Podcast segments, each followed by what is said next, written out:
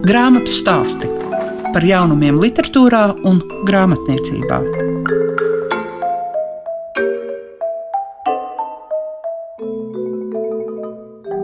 Savu skanējumu sāk grāmatu stāstu. Kopā ar jums ir Liega Piešiņa, un šodien jūs dzirdēsiet par stāstu grāmatu Ellīgi skaisti noslēpumi, kuras autore ir Rute Kārkliņa, kā arī dzirdēsiet Kārli Vērdiņu. Viņš ne tikai pastāstīs par lībiešu balādēm, bet arī par Gunara Saliņa rakstu otro sējumu. Grāmatu stāsti programmā Klasika. Aizvadītā gada nogalē iznāca Rutas Kārkliņas stāstu grāmata Elīga skaisti noslēpumi, un tie origāmi putekļi putni, kuri dodas uz varones dvēseli vai sirdi, viņi ir ļoti, ļoti uzrunājoši. Rute, jums tā ir pirmā grāmata. Yeah. Jautājums ir, kas jūs mudināja sākt rakstīt? Grūti pateikt eh, tādu vienu lietu, bet nu, cik es sevi atceros, es vienmēr esmu kaut ko skribelējusi vai rakstījusi. Bērnībā pierakstu blociņos, tad uh, augstskolas laikā, lai man nebūtu jādara tie augstskolas darbi, es tur vēlā naktī kaut ko draugiem LV rakstīju, kādas savas pārdomas un domas. Tā kaut kur tie teksti vienmēr bijuši man apkārt arī liela loma ir literatūras skolotājiem, latviešu skolotājiem, kas ir iedvesmojuši, kaut kā bīdījuši. Bet tā konkrēti stāstus rakstīt es sāku tad, kad es iestājos Literārajā akadēmijā. Tad arī bija pirmā reize, kad es vispār būvēju stāstu, būvēju sižetu, domāju tēlu.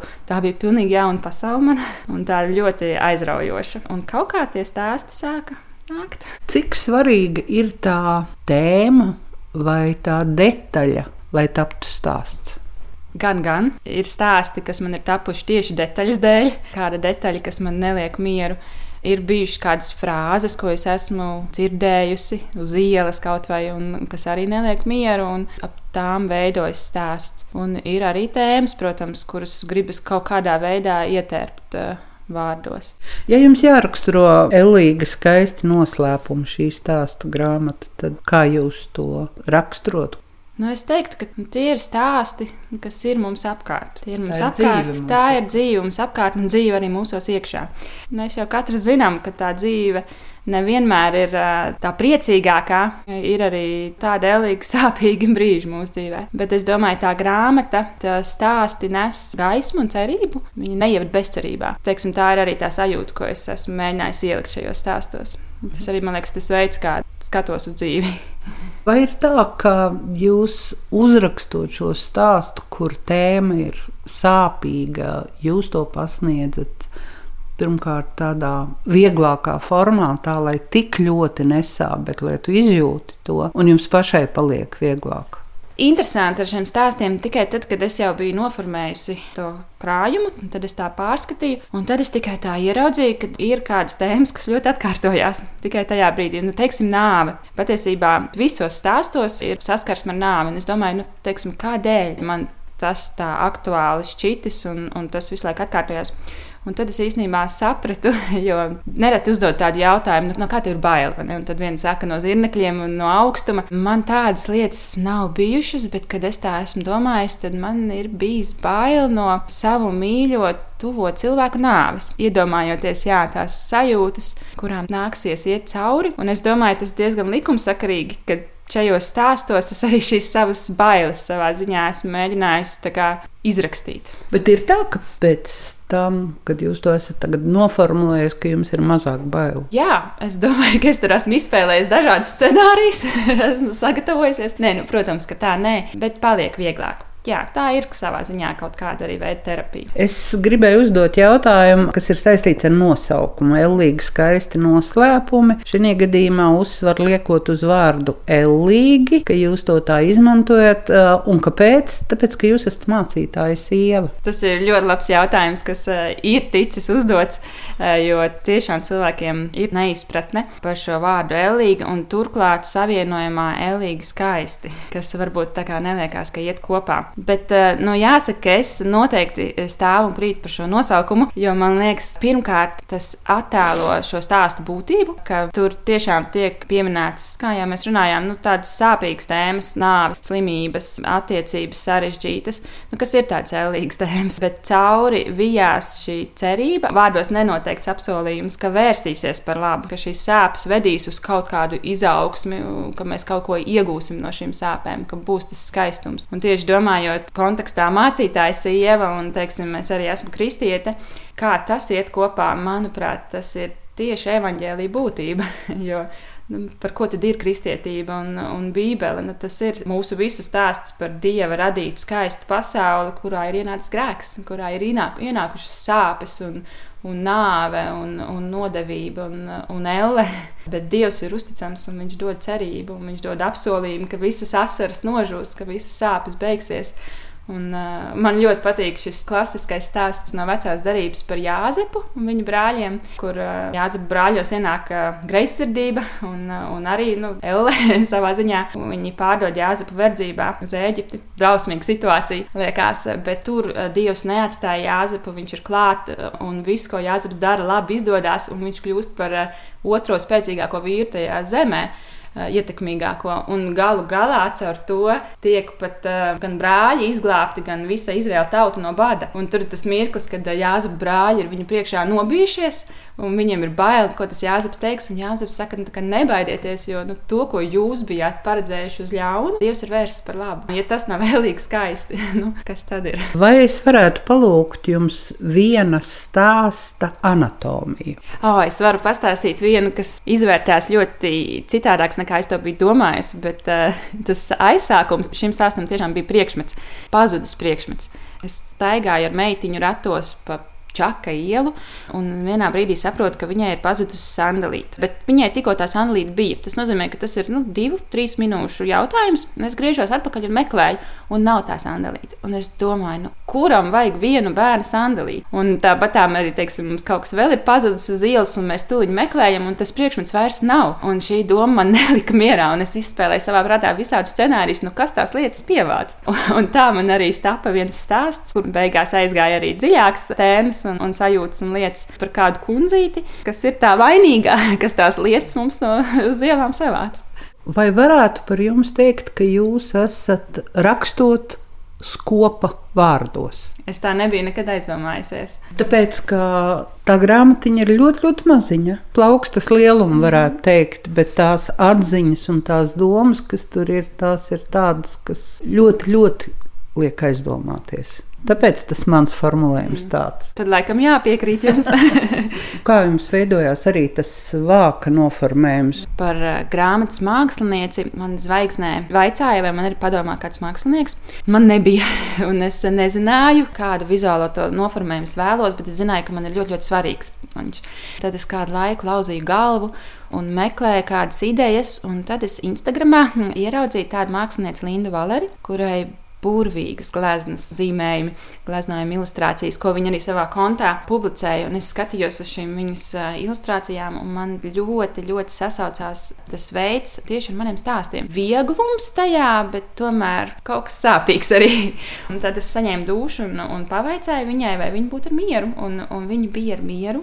Viņai es pilnīgi uzticējos, un viņa ir noķērusi, man liekas, ļoti labi šo stāstu sajūtu. Man liekas, ilustrācijas stāsti viens otru papildina un, un pašas ilustrācijas ir savi stāsti. Viņās ir Elīga skaisti noslēpumi. Par nosaukumu domājot, tāds nosaukums ir vienam no maniem stāstiem, kas ir viens no arī pirmajiem, kas man liekas, tur radās.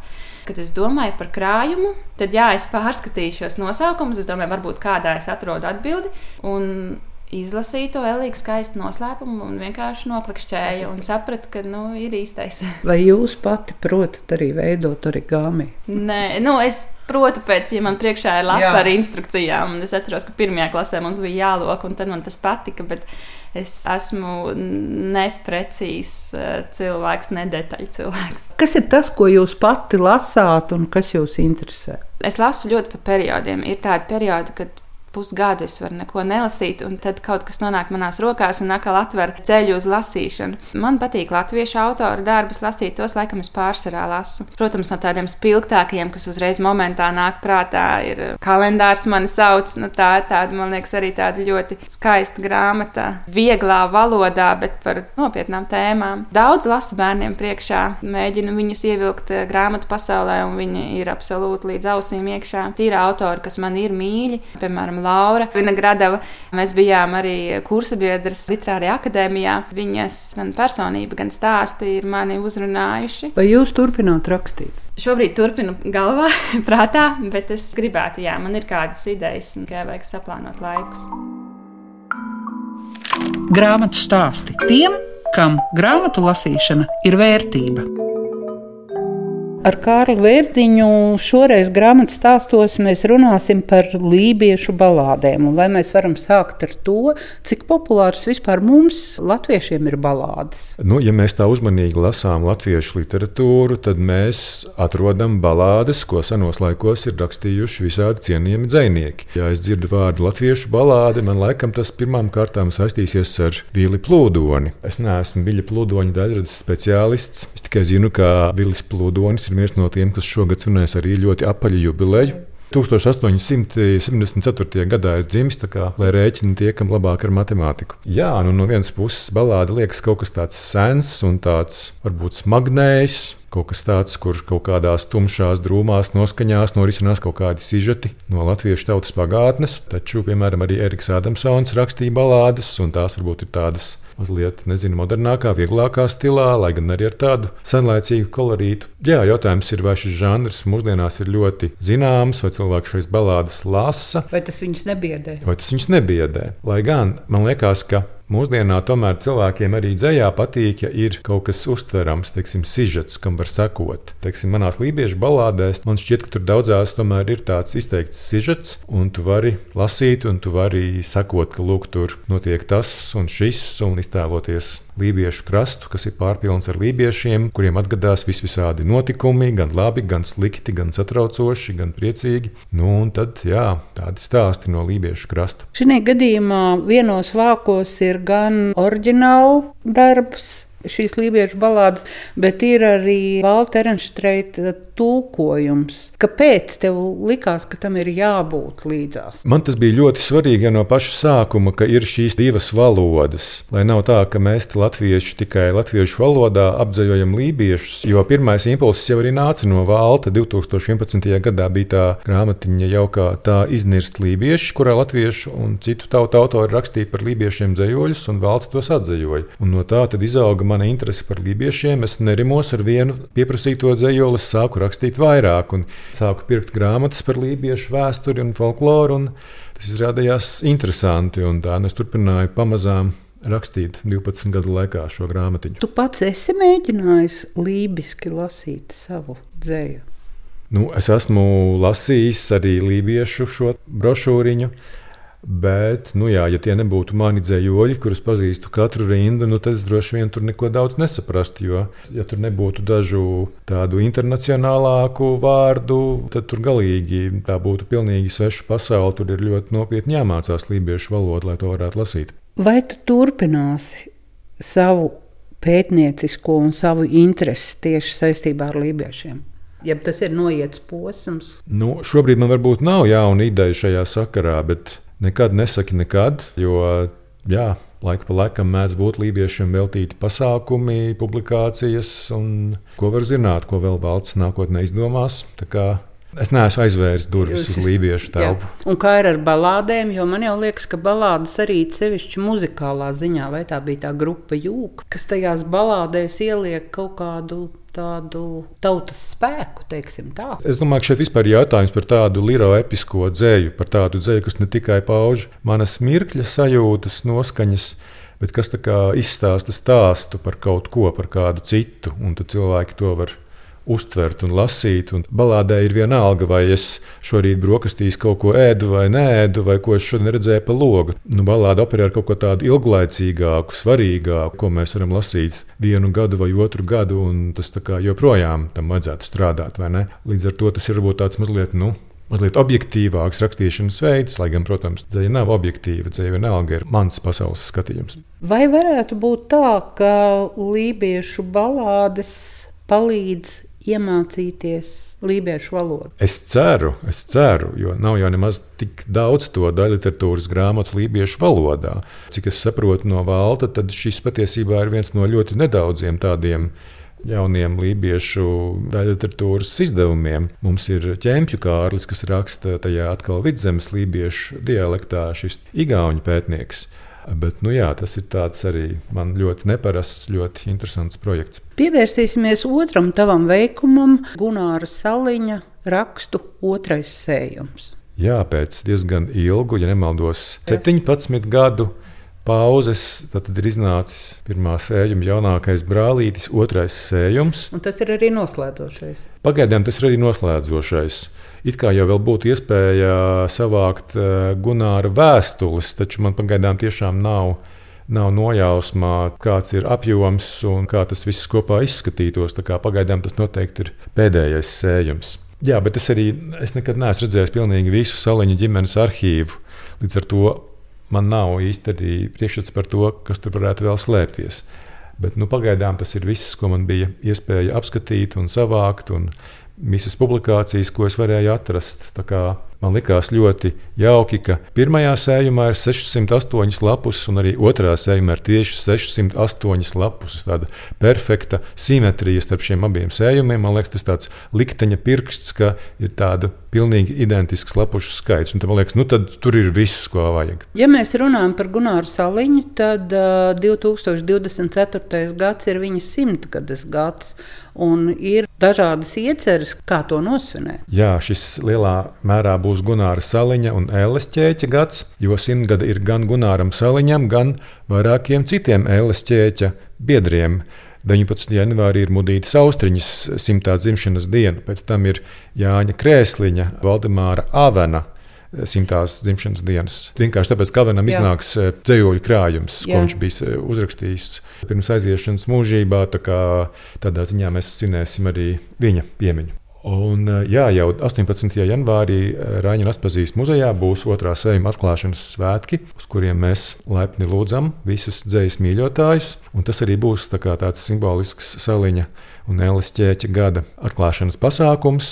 Pats lielākais ļēmbests notiks maijā, kad mums būs saliņam veltīta konference, kā arī kultūras programma Piebalgā ar Gunāra un Mudītas Austriņas dzīves un darba cildinājumu, tāpat kā vispār ēles ķēķa tādu pieminēšanas pasākumu. Kas ir tas, ko var šajā otrajā sējumā izlasīt? Otrajā sējumā ir dažādu žanru darbi. Tur ir arī diezgan daudz dzējoļu, kas ir palikuši ārpus krājumiem, un daudz ir vispār palikuši manuskriptā, kas Gunāra dzīves laikā nebija publicēti. Tāpat tur ir viņa atzējojumi, starp kuriem man gribas izcelt Rainera Marijas Rilkas atzējojumus. Es uzskatu, ka Gunārs ir viens no pašiem labākajiem Rilkas atzējotājiem latviešu valodā, un šeit ir arī tāda Rilkas dzējoļu kopa, ko, manuprāt, arī, ja mums būtu zelta ābeli joprojām, tad varbūt zelta ābeli varētu izdot tādā mazā, mazā skaistā grāmatiņā šos dzējolīšus. Tur tāds mazs suvenīru izdevums sanāktu, bet pagaidām šie ir dzējoļi, kas ir šajā lielajā sējumā. Tāpat tur ir daži prozas gabali, tur ir marginālijas, jeb tādi jastrāki gabali, kas nederējās nevienā citā sadaļā. Un, kas man liekas arī ļoti svarīgi, tās ir apceres un recenzijas. Jo Gunārs nebija tikai iejūsmīgs dzinieks, viņš bija arī izglītots, ļoti asi domājošs un asi savu laikmetu izjūtošs intelektuālis. Un tur ir arī viņa pētnieciskie raksti, jo, lai gan viņš Amerikā strādāja par psiholoģijas un socioloģijas pasniedzēju, viņa pētnieciskās intereses saistījās ar latviešu literatūru. Un, teiksim, Journal of Baltic Studies, mūsdienās prestižā pētnieciskā žurnāla pirmsākumos, Gunāram arī bija publikācijas šajā žurnālā un citos trimdas izdevumos, gan latviešu, gan angļu valodā, arī jaunajā gaitā. Un es arī šobrīd ar ļoti lielu interesi varu lasīt viņa spriedumus par tā laika latviešu literatūru, gan trimdu rimdas, gan arī padomi Latvijas. Viņš, piemēram, salīdzina tā brīža jauno dzēju Latvijā rokpelni, ārzemēs tas ir Juris Kronbergs un citi tā laika jaunie dzējnieki. Man šie spriedumi liekas ļoti, ļoti interesanti. Un es esmu pamanījis, ka mani kolēģi, literatūras zinātnieki arī daudzkārt atsaucas uz saliņa pētījumiem, un šobrīd tas būs vēl vieglāk, jo tas viss būs apkopots vienos vākos. Vai mums ir vispār Gunārs Saliņa dzējoļu krājumi izdot atsevišķi? Ir šie trīs slavenie trimdā izdotie krājumi - Minglas kroks, Melnā saule un satikšanās. Pēc tam Latvijā iznāca izlase no šiem trim krājumiem 93. gadā. Satiksimies Minglas krogā pie Melnās saules. Un tad iznāca tāda maza, maza grāmatiņa, dzīves stāsti un 33 dzējoļiem. Tolaik bija apgādājuma likteņa stāsti šāda grāmatu sērija, kur iznāca vairākiem tādas mazas grāmatiņas. Nu, lūk, un tad faktiski pēc tam ir tikai tie divi rakstu sējumi.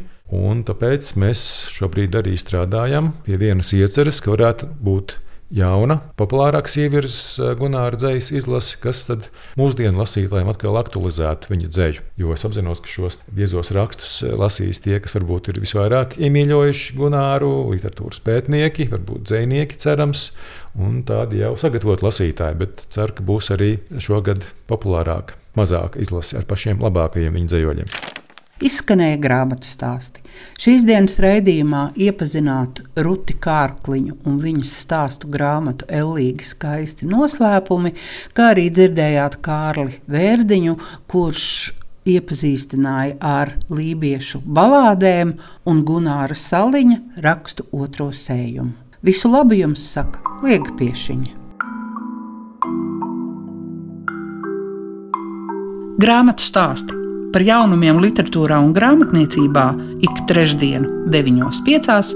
ar atkārtojumu Svētdien, 18.15.